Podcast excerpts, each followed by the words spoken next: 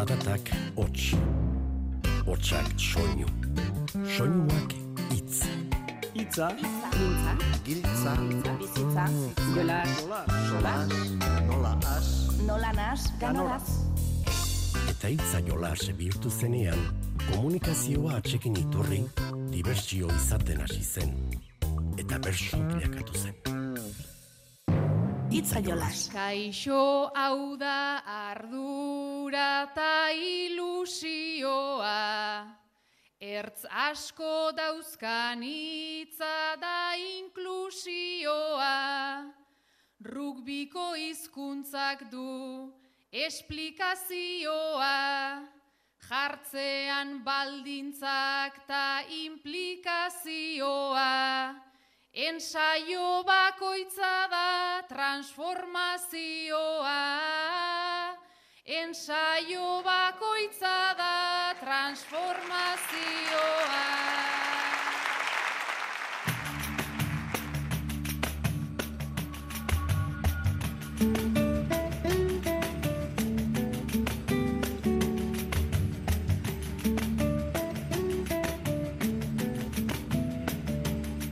Kaixo entzule, udazkena bertso txapelketei dagokinez bete-betea zetorkigula genion eta dagoeneko neguatarian amaitzen ari zaizkigu. Azken txampan dira Bizkaiko zein Nafarroako bertsolari txapelketak. Nafarroan aurkeztu dute dagoeneko abenduaren bian izango den finala eta Bizkaian berriz hirugarren eta azken final aurrekoa gaur jokatuta itxita geratuko da abenduaren amaseian finalean izango diren bertsolarien zerrenda. Amaitu dena dagoeneko 2023ko taldekako xila batxapelketa da. Azparke taldea izan da garaile, baina hauek esan da, ez pentsa gaur dena txapelketa kontuekin osatuko dugunik ez. Proposamen bat ere badauko egulako. Guk geuk ez, baina tira, pentsio duna eta bertsozalea bazara, edo bertsozalea den pentsio dunik ezagutzen baduzu, adiegon, akaso harentzako entretenimendua propos bat ezagutuko baituzu. Ezagutuko duguna, gure bederatzikoaren sokaren jarraipena da. Eta hau guztiak esan da, hasiko bagina? Itzaiola Euskadi Irratian.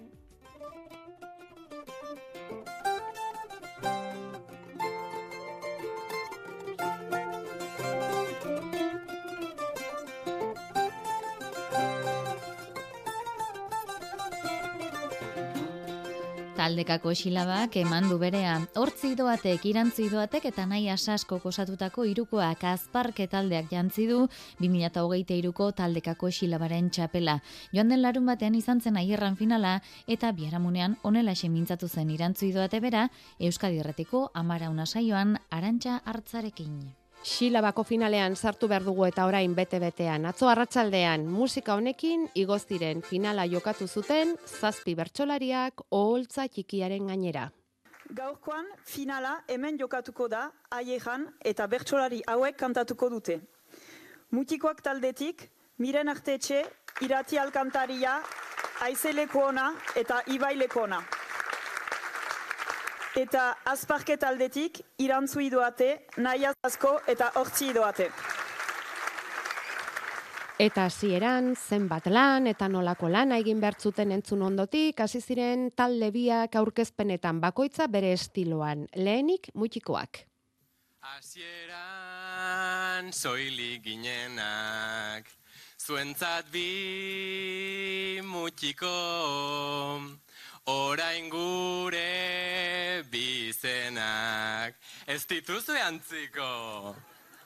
Hasieran Koreografia eta guzti mutikoen agurra gogotik txalotu zuen aierrako denen etxean bildutako publikoak eta euren ondoren saioko bigarren taldea, azparke. Osaseko saioan hiuman espelatu Siberua osua gynian atakatu Kakoiek arrapostu Etzela untxapu Bena hiru bierakin Zutian kalmatu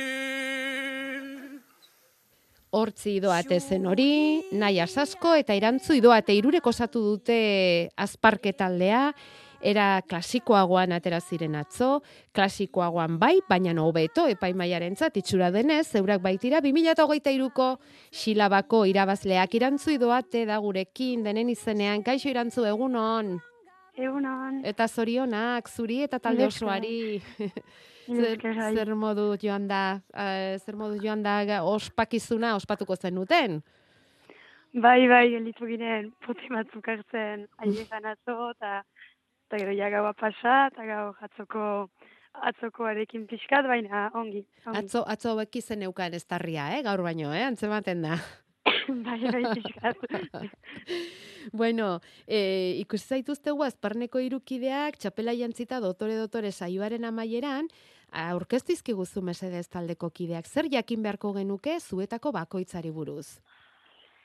Em, ea, bo, hortzi beraz nire aita da, beraz aita alabak gira, eta hola sortu zen taldearen deia, eta azparnekoak gira, eta naia sasko lekuinekoa da, orain azparnen bizi, eta e, txikitatik ezagutzen duguna, eta harreman estua duguna berekin, beraz aski etxeko taldea sortu dugu, eta eta hola, azparne lekuineko erdi familia taldetxoa. Ja, familia modukoa, ez? Hola, oso oso lotua eta igual horrek eh, lagundu egin dizue e, aurrera egiten eta irabazten edo ze sentsazio daukazu?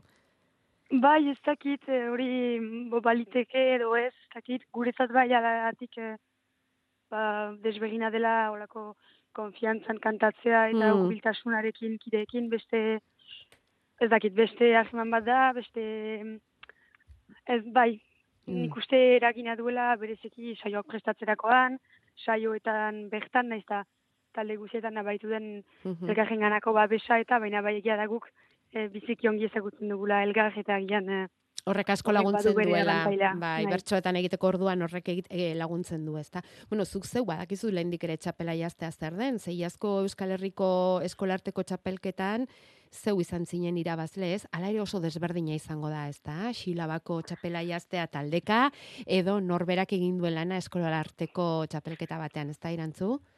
bai, bai, bai, desbegina da eta em, naiz eta zama kentzen digun txapel guzia edo saiatzen giren gure buruak babesteko egia da taldean e, irabaztea e, galtzea bezala, egisagoa dela eta eta bai sentsazioa beste bat da, ze bada iazko sentsazio bat e, taldean osasut, osatutako garaipena dela eta bakoitzaren e, puntu azkarrekin eta Mhm. agulekin eta Mhm. pausuak desberdinak dira uste dut. Mhm.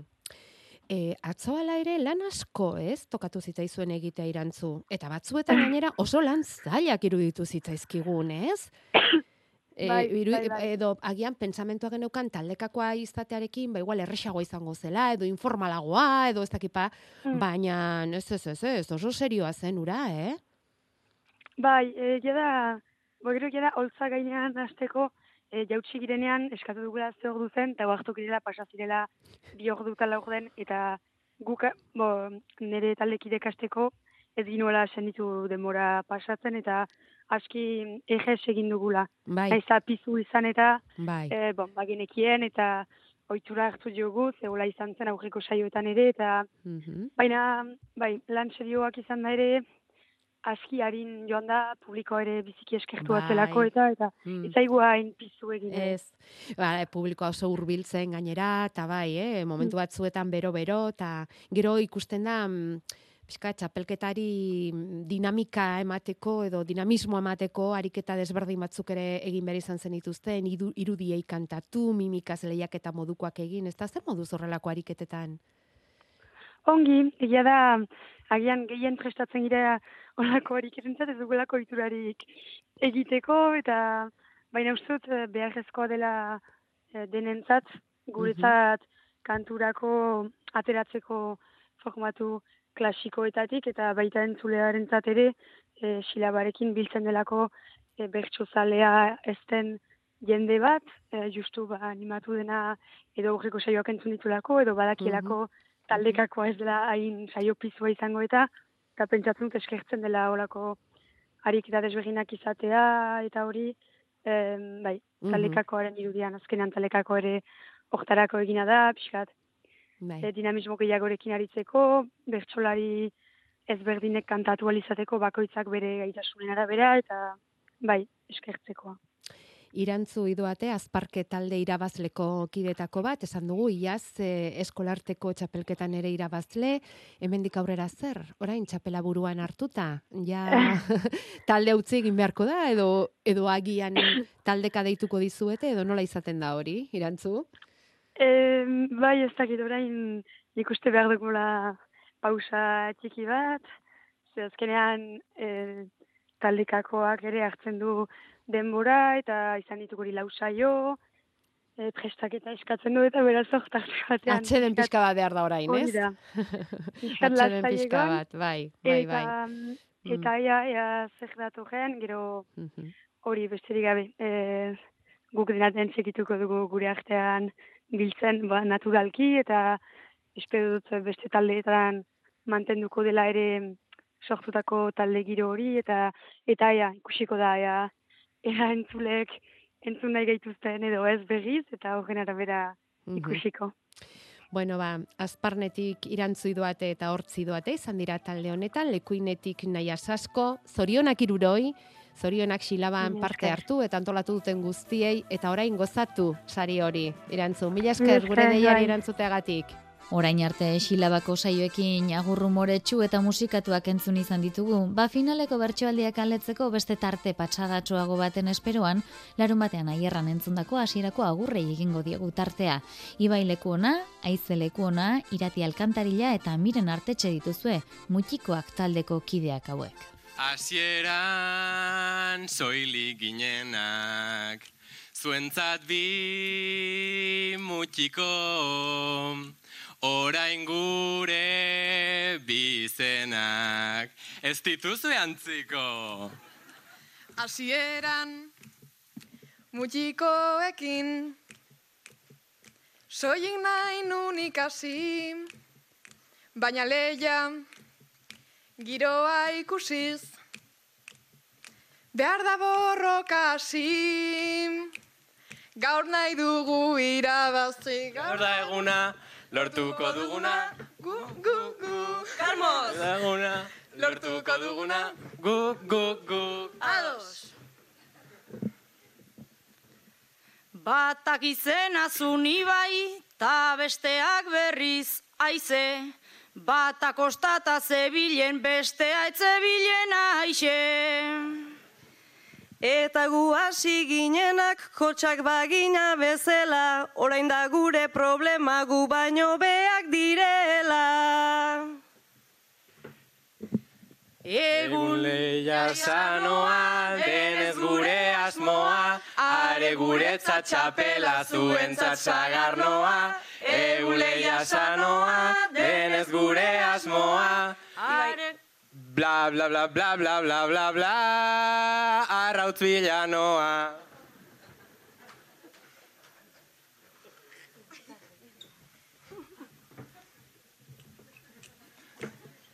Ze talde serioak genituen parez pare, baina orain parioak gure alde daude.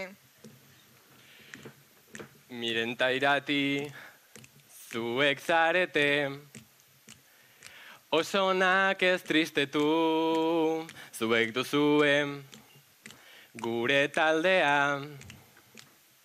Bihurtu babesleku taldeak, taldeak gaitu hobetu.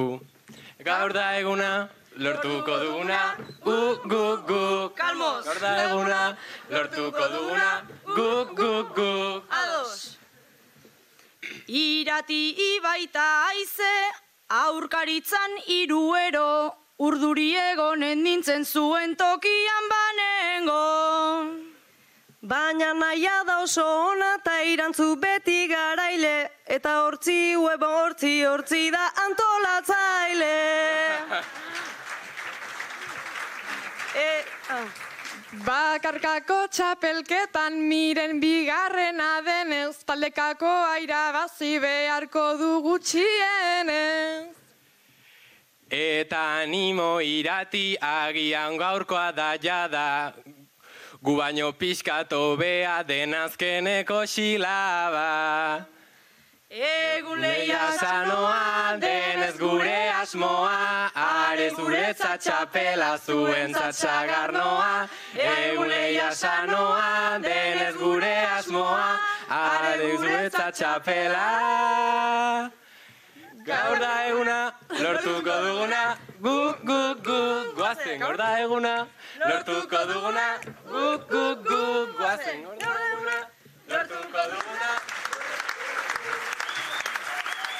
Beste hau berriz, garaile suertatu zen azparke irukoarena. Osaseko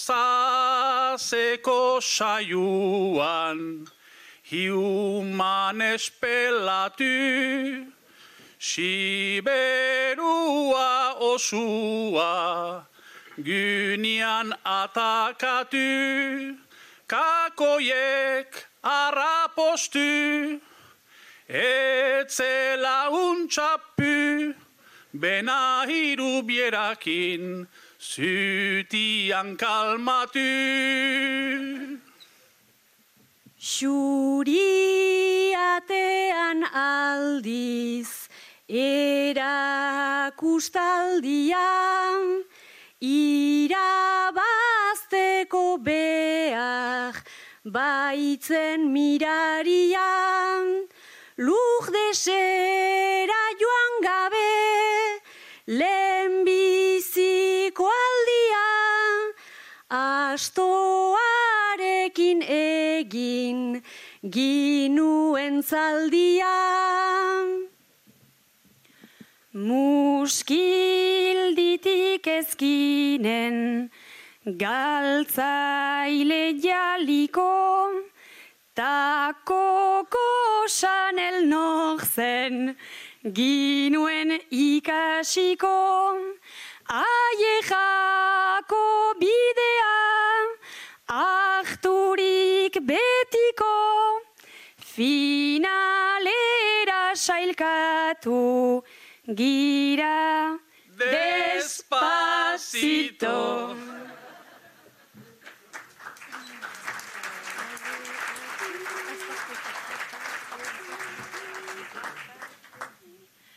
Azparketik aierrara bidea egiten da errez. Gau jezkira ala meson baina ainurrun ere ez.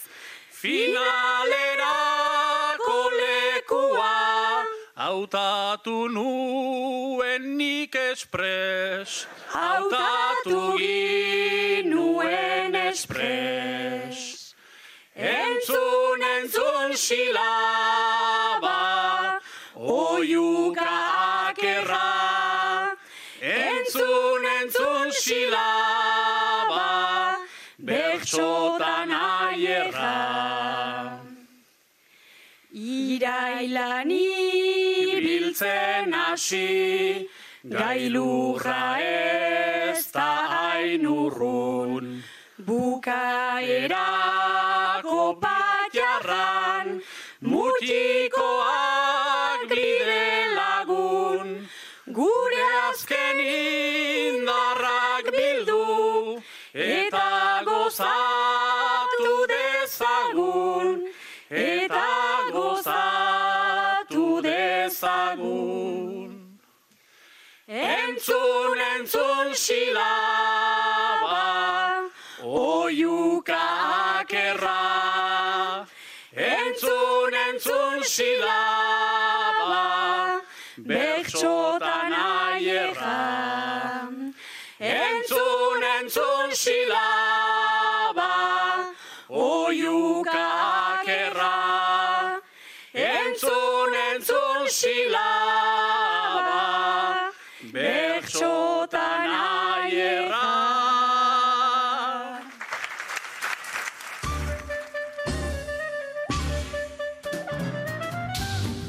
Urretxuko Uxue Fernandezek bere anaiari Antoni luzatu zion puntua, entzun dezagun ba honen bederatzikoa.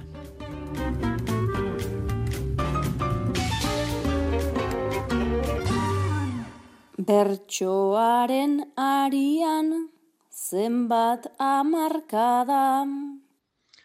Jaiotzerako bertan genbiltzan jada. Aikiona monek maite zituzten erara. Zaletasuna heldu zen aitametara. Doinuen taupada errimak zirrara. Ta azken zartada aukerarik bada. Beste urte askotan hariko gara, beste urte askotan hariko gara. Eta bueno, nik bederatziko puntu jarri nahi diot, ba, beste herritar bati, urretxuko Mikel Iturriotze etxan izi, azkeneko urte hauetan besteak beste, ba, herriko bertso giron eta antolaketan eta bertso eskolan pixu haundienetakoa daukan pertsona da bea, eta horrekin txelotukoet jarri nahi didan puntuan. Hau da. Bertsoaren geroak kezkatzen altzaitu. Urrengoan jasoko dugu bada, urretxuko Mikel Iturriotzen bederatzikoa.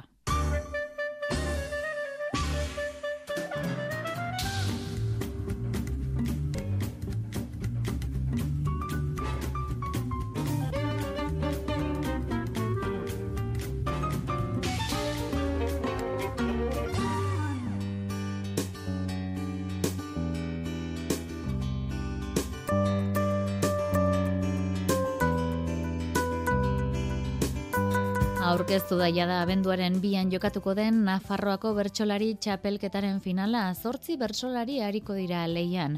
Eneko lazkoz izango da finalista veteranoena berrogei urterekin. Zortzigarren finala izango du honakoa.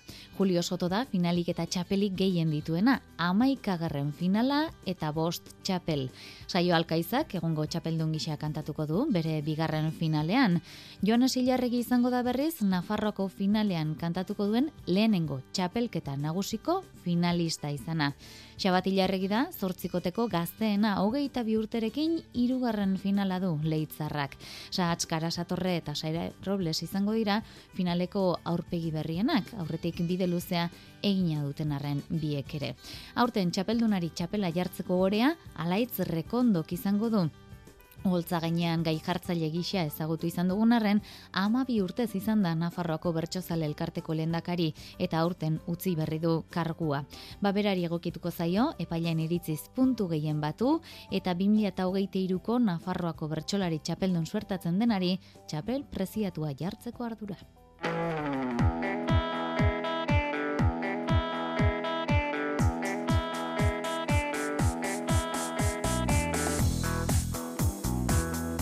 Adin ezberdinetako bertsolariak batu ohi ditu txapelketak izan taldekakoak zein banakakoak, baina jarraian entzungo dugunak protagonista bereziak ditu nola baita esatearren.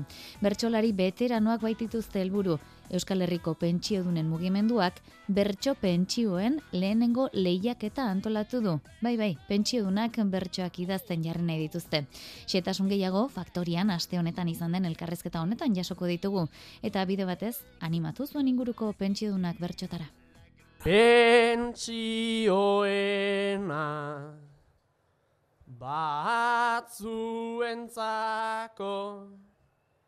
etzaie bihurtu festa etorkizuna iluna dute ta hori nolako kezka ta hori nolako kezka egingo dut errieta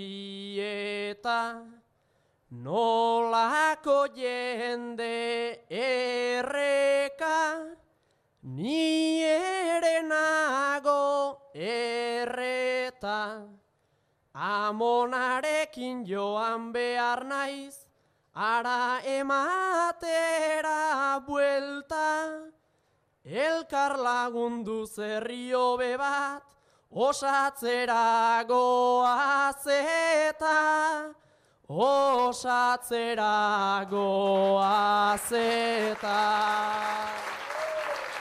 Xabat hilarregi da, eh? entzun berri duguna. 2018an Nafarroako eskolarteko txapelketa erabazi zuen saiokoa, e, pentsiodunak aipatu ditu, gaur eurak pentsiodunak jarriko dituzte bertxotan. Izan ere, Euskal Herriko pentsiodunen mugimenduak bertso jarrien lehiaketa antolatu du. Lehen edizioa egingo dute. Pentsiodunen aldarriak bertso bihurtuta, eh? antolatzailetako bada maite aristegi maite kaixogunon.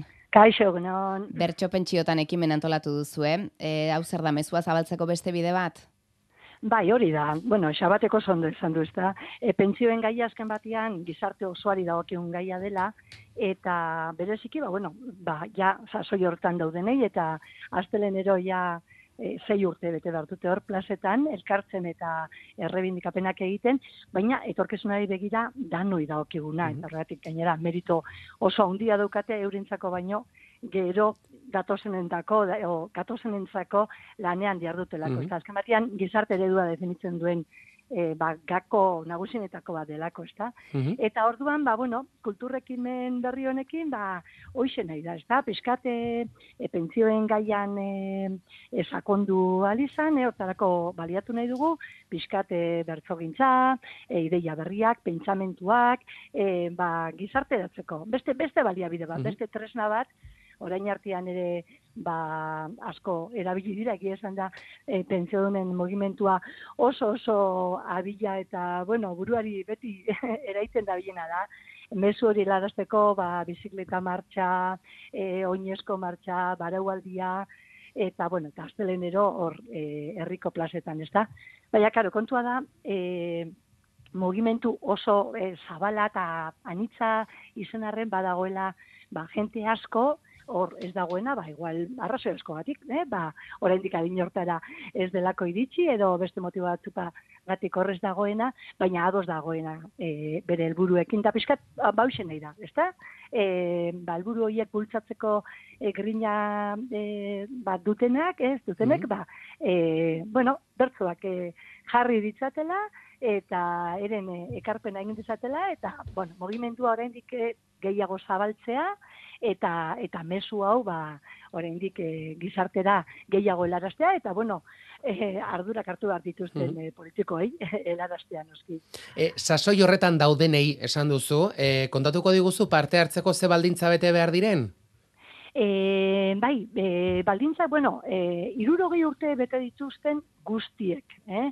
E, daukate aukera, eh? Ordan pensionistak izan, edo ez, irurogei urte tike gorako guztiek daukate aukera, eta eta baita, e, ba, euskararen komunitate osoari zabaldutako ekimena da baita, eh? Euskal Herri osoari, eta e, baita diasporari ere, eh?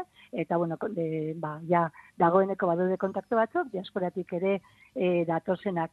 Ze, hemen, jo, oso, e, ekimen politxa da baita, e, ba, e, justu, e, adin honetako jentiak ero belaunaldi e, horrek, ba, euskerarekiko izan dituen zeitasuneatik, ez da? Bueno, e, zindaztu, eurak izan diela gehien bat, ba, ilzoritikia e, atera dutenak euskera eta eta aurrera, eh? ba, gaur, gauden toki darte, goto, egon nahiko genuke, baina e, ekarpen handia e, egin diola belaunaldi horrek ba, euskerari, baina askok ba, ezin izan dute, e, euskera e, ero erabili, katea eten delako, debekatua egon delako, eta beste asko, ba, kanpotik etorriak eta abar, edo, edo bertan e, euskara ikasi zen da, ez dute baliabiderik izan, baita ikasteko. Orduan, bueno, hau bada modu bat, e, ba, euskarari ere, belaunan diontatik, mogimentu ontatik, ba, ekarpentsua egiteko, eh? baita esateko gu ere euskararen alde, beti bezala, eta honek ere balio dezala euskerari ba, bultzadatxo bat emateko. Gaia ere zehaztu duzu emaite, ari garela, ari garela, astelenero kalean, hori da gaia, zenba bertso idatzi behar dira? Mm, ba, gutxien ez iru eta gehien ez zei. Eh? Ba, alako bertzo sortatxo bate bialdu beharko litzake, eta bai, gaia hori da, eh? hortarako propio idatzi dira e, oinarriak, eta bueno, e, horren inguruan, e, astelenero kalian dauden e, errebindikapenak, ezin dugu hartu baita e, ba, pensioniste mugimentua beste e, kolektibo bat batera, azken batean ba, gizarte berdinzaleago bat eta hobeago bat, e, nolabek bizitzak erdigunean e, jarriko dituen gizarte bat e, antolatzeko eta bultzatzeko lanean ari dela, ezta? Mhm. Eta, bueno, ba, hor erpin asko dituen e, gaia da, eta danon mm, bizitzari e, eragiten diona, eta nik uste aukera politxa dela bertso ederrak sortzeko, Vale. eta hori nahi dugu, animatzea jendea. Hiru eta sei bertso artean, e, baina ari naizela, ari naizela e, doinuan edo libre? Eso, eso es libre, libre. Ah, gaia hori izan da ere, e, doinuan Hori libre. da, duda bari, bai, bai, bai, bai, eh? bakoitzak eh, nahi duen eh, doinutan horrian, da, kerezka, bai, ba, eh, idatzitakoan, ba, jartzea eze doinutan da, ba, ondo dago, baina, bueno, aske, hori da. Mhm.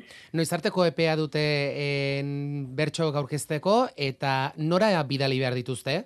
Ba, gabona pasatu arte, eh? E, urtarrilaren e, amabostera arte, ja, Mhm. epea irekita dago, eta bueno, badut, e, badu jendeak denpora, e, datozen jaietan, datozen mobilizazioetan, e, peintzatzeko hausnartzeko, eta hola, lasai asko, olako guraldiarekin, eseri eta horren inguruan idazteko. Eta, bai, e, bidaldu daitezke, bai, e, posta arruntaz, eh?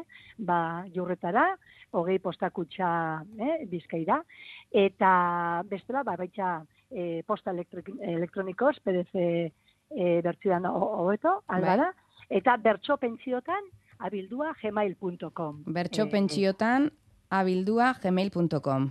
Elbidera. Vale, Hori jurretako postakutxatilara pa bakarren batek papelean eh, bertsoa bidaltzen Mm, badizue, bai. abisatu iguzu, eh, favorez, hori ere interesatzen zaiguta. Bai, hori da, hori egongo da, eh? baina, bueno, eh, aukera badaude, eta, ba, noski, ba, bi sobretan, baten e, bertso sorta hori, eta bestean, ba, e, ba, pertsonaren, ba, ez izenarekin, eta beste e, sobre batean, ba, ja, e, datuekin, eta ba, tramparik ez egoteko. Vale, ba, bertso pen- eta gero, bai. sariken, sari banaketa, ba, bueno, nahi da, ba, baitxa beste, ba, olako ekimen batekin, e, ekimen eder batekin e, bukatzea, eta hor kantatzeko aukera egongo da, ez da egongo dirurik. Diruri sa- diru saririk ez, baina, bueno, jendearen txaloak eta onarpenak eta valorazioak horre dira, eta, eta bueno, bertsolari profesionalak ere izango dira, hor, baina, bueno, aurrerago emango da horren berri, eh? nola Mm. izango den sari banaketa. Maite, oraindik gogoan dugu eh, momentu hau. Euskal Herrian gure eskuntza ari gara eraikitzen. Señora Aristegui. Lo... Señora Aristegui. Sartzen. Señora Aristegui. ¿Lo traduce? ¿Lo traduzca? Maite. gaur, gaur bukatu izango nuen. Bai, bukatu Bai, izango da. zenuen. Buruko mi pixka bat jarriko zenien igual itzultzaileei, baina baina bukatu ahal izango zenuen, bai. Hori da, hori da. Han aurreatu dugu, ia hemen aurreatzen dugun. Ba, Maite Aristegi, e, irabazle ateratzen denean ere gustura entzungo ditugu, eh? Berso horiek faktoriak eta biten bitartean esango diogu, e, irurogei urtetik gorako entzat em, lehiaketa dela, bertso lehiaketa, urtarriaren amabostera bitarte izango dela, iru sei bertso e, bidaltzeko aukera, e, bertso pentsiotan abildua, gmail.com elbidera. Maite eskerrek asko. Hori, animatu da guztiak. Ederki, zuei eskerrak.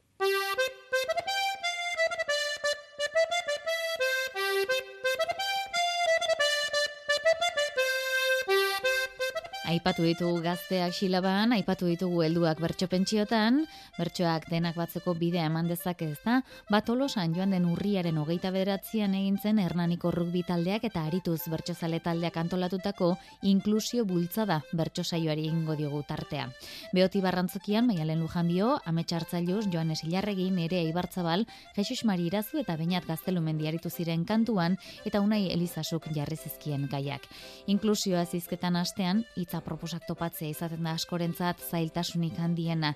Isiltasunak hor baina zer paperrote du? Deserosoa ote da? Mingarria kaso? Isiltasuna entzuteko pazientziarik ba ote duzue? Nereari eta ametsi jarri zien gaia. Ze desorosoa handi xiltasuna ez da? Horregun jendiak ez du pazientziarik. Isiltasunak badu hitz denen kabida, naizta erabilerak gehien txuak iga, Ni diskurso merkez enaiteke fida, Obe isiltasunari tira eta tira, Soinu ederragoak oso gutxi dira.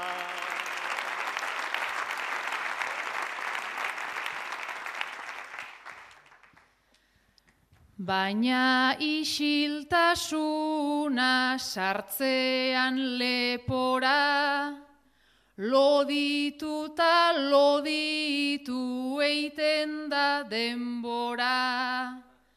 Orain prisakagoaz ta auskalo nora, bizkor joan behar da bera alagora, produktibitateak duen erritmora.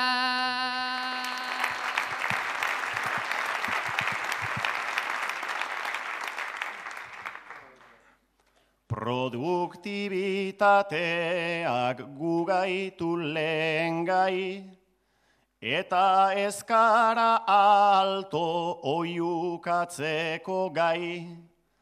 Frenesi batek jota ibiltzen gara ai, ezin egon soseguz, ezin ez egon zai, Beti presaka bizita berandu hilna.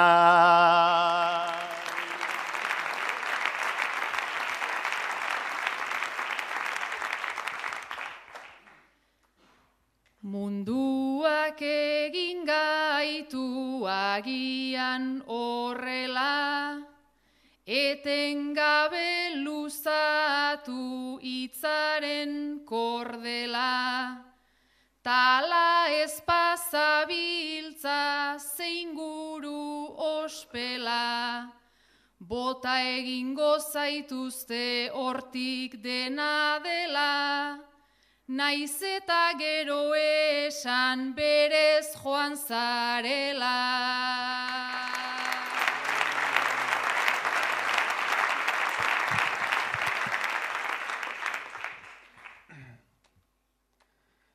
Baina hitzez bete eta odola hainbero, ta orain irrati bat urbildu ezkero, alako zaratarik enuen espero, askoz nahiago nuen ipar eta ego, Ekialde hurbila isilik balego.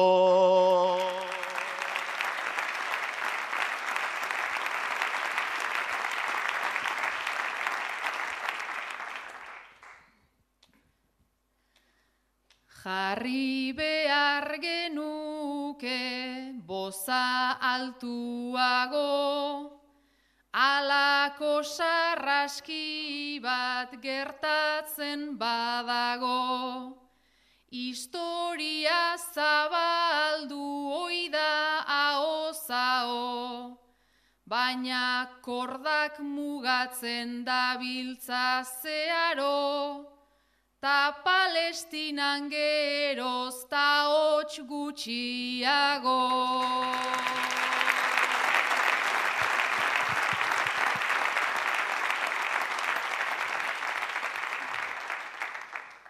Bakantzen ari dira eskutako txotxak, mende baldar bezela jannazake lotxak, Ango gerrak hemen errota mototxak, Arma saltzaile batek bete ditu poltsak, Dena izorratzen du diruaren hotza.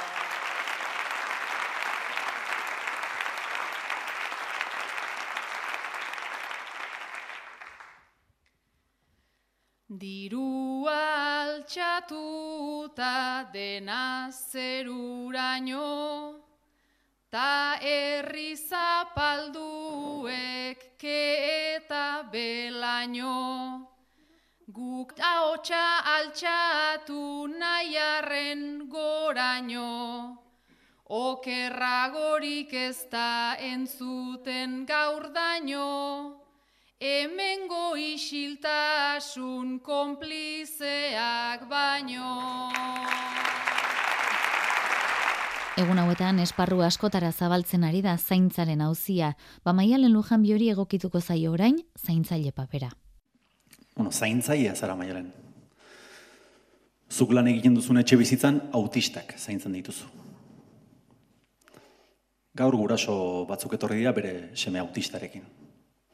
Hartu duzu semea, sartu duzu etxe bizitzara, eta leiotik begira jarri zara, hor daude. Bere gurasoak plazaren erdian besarkatuta negar batean. Irten orduko esan didate eskerrik asko nik berdin. Euren semea hemen ustea, etzaie egin atsegin. Baina landua geneukan gaia, ez tegu gutxi hitz egin. Maitasuna eta lana jartzen dut gehiago ezin dut egin. Gurasoen negara aurraren irrifar bihurtu dedin larairarairarairara. Irrifar bihurtu dedin.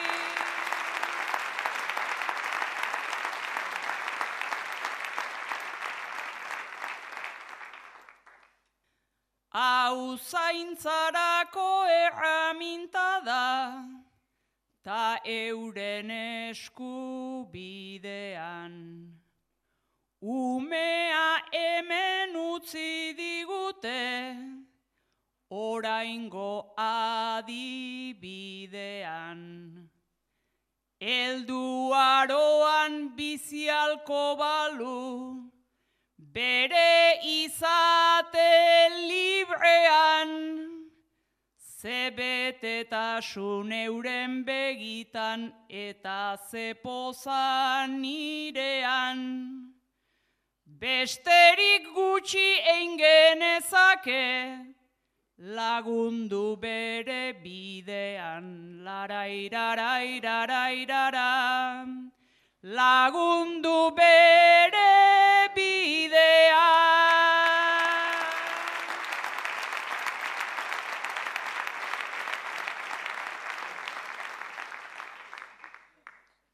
Autismo deitzen diote edo anistasun funtzionala. Molde guziak ez ziren egin noski neurea bezala. Eta badakit gizarte hau da anitza eta zabala. Ta topiko bat izanagatik egiz sinesten dut ala. Hemen dauzkadan gazteen gandik neuki kasiko dudala. Larairarai, larairara, neuki kasiko dudala. Zaintzaile eta zainduen artean era ezberdinetako komunikazio bideak erabilitezke baina ziur gaude sarritan besarkada batek gauza asko adierazi ditzakeela. Zuek besarkadak ematea maite duzue? Aspaldian eman ote diozu aldamenean duzun horri kalitatezko besarkadarik eta maialen lujan eta irazuk eman ote diote aspaldi besarkadarik elkarri. Beraiekin lan egiten dugun profesionalak zorte ikaragarria daukagu. Euren irriparra, lastanak jasotzen ditugu, euren besarka destuak, hori egunero izaten dugu, egunero gertatzen da. Zuek laguna zate aspalditik. Azkeneko besarka da? Noiz emantzen nioten elkarri. Lagunak lagun minak lagun etxekoak Gaztetan elkartu helduak ta gainontzekoak. Ba ara nere lagun gazte antzekoak. Motibo asko dauzka besarkatzekoak. Motibo asko dauzka besarkatzekoak.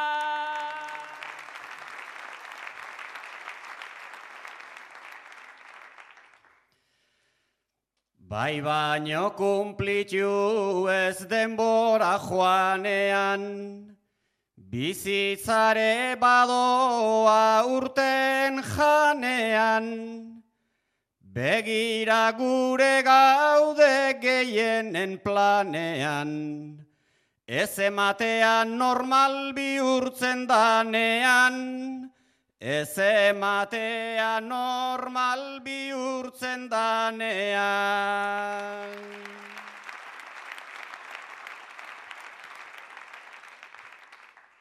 Baino irazuetzazu ilunduko petan, ze azken besarkada kariñoz betetan, oain ordu erdi zandateloian gordetan. Berrogeita mar pasa bete dituetan, berrogeita mar pasa bete dituetan.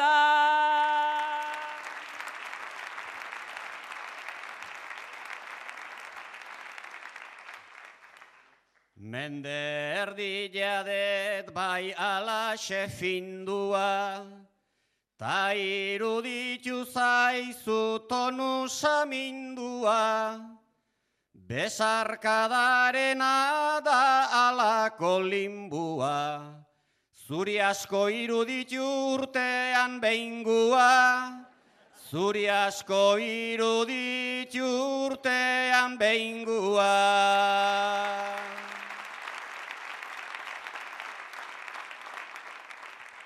Lehen ere eman zaharrak irazu ezkean, besarkada ugari berota askean, tokau zaio bitxapel ja irabaztea. Ostiralean bat da jaiean bestean, Ostiralean bat da jaiean bestean.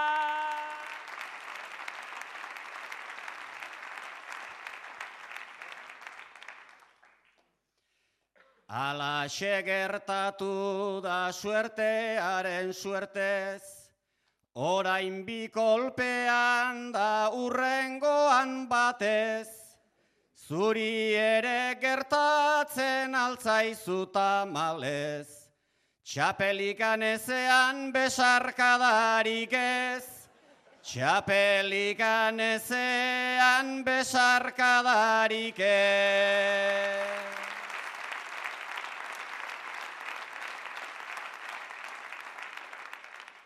Besarkadak joan dira batetik anbira, gero irura ere baita poza hori da. Besarkada gutxia nik ere bai tira. Muxuta zorionak guain WhatsApp bidez dira. Muxuta zorionak guain WhatsApp bidez dira. Arituz bertso taldeak eta Hernaniko errugbi taldeak antolatutako saio honetan baina zalantza dugu. Bertso arauak ezagutzen dituztenek errugbiko arauak ezagutzen ote dituzten. Horrela esi jardun dute kopletan. Bueno, hau dira, Hernaniko rugby inklusioko seikide. Entrenadoriak ja ez dakiz zer egin zuekin. Zer, korrika ondo ibiltzen die. Baina beti mele guztiak galdu dituzue. Mele denak. Orduan ez da hemen mele posizioan jartzeko kapazotzea den, da ber, zuen arten zein problema antzemate zuen. Nie oskorrako peta beltza eta genioa latza. Nik bultza aurrera egiten dut beste nonbait da katxa.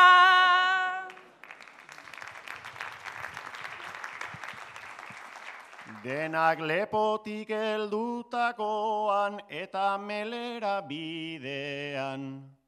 Ni belauniko jartzen aize edo besteak oinak aidean. Behar baino bizkar txikigoak inegin nindutena nonbait.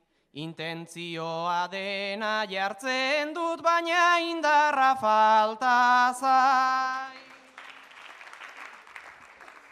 Bani zelaian ibilioi naiz geldi etxean bezela.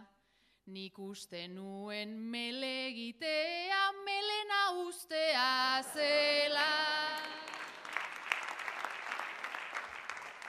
Melen ondoan hartzailuz daukat tazalantzak zaizkit pizten. Piskat geixio makurtu zatxe bestela enaiz iristen. Ni dudan hemengo kontu lege eta araudiak. Guote geran txikiak edo besteak diren handiak. Ara ametxek bere zapatatakoak garbi dauzkaino. Ta besteok landaren gaudenez lokatza belaunetaino. Maia lenta irazu bialdu behar genituzke aurrera. Aurrean egoskorrak behar dira gufer playegiak gera.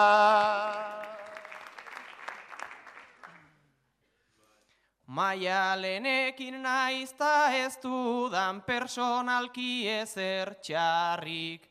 Bultzaka ez du ezer egiten honek agindu bakarrik.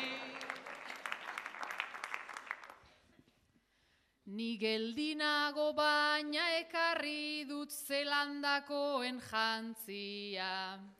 Nahi baduzue prestatuko dut jakaren koreografia.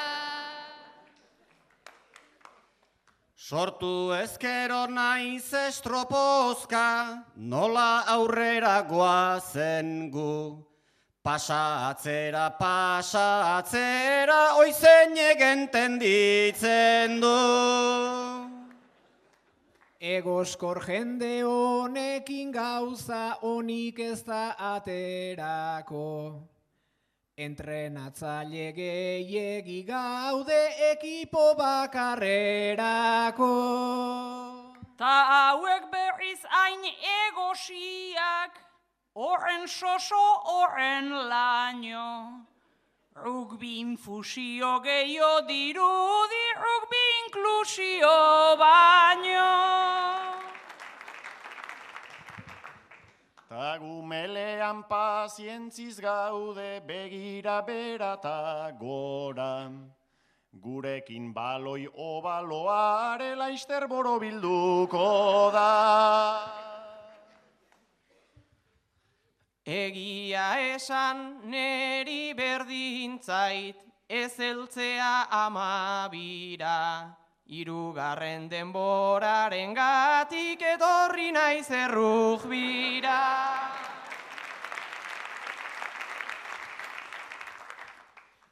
Ta gu lokatzez bai lehenengoan ta bai bigarren denboran.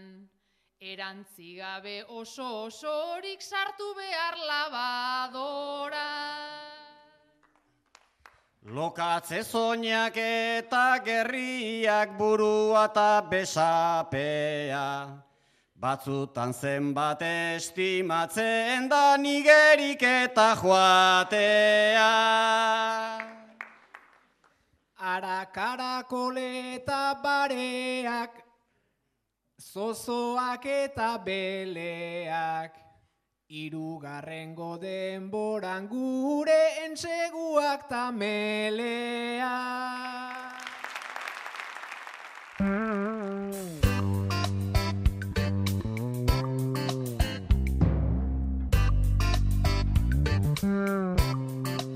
Ba, hoxe, gaurko gure partida. Leire karrera teknikariari eta bioi amaitu zaigu denbora. Gaur amaitzeko tolosako saionetan ametxek botatako azken agurrari egingo diogu tartea.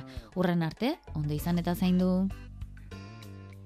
Mil esker pozik geunden zuen magalean, baina denak ez goaz zoru zapalean. Oartzen algara nor dagoen aldean, beraz uler dezagun asirik galdean, inklusioa bere zentzu zabalean.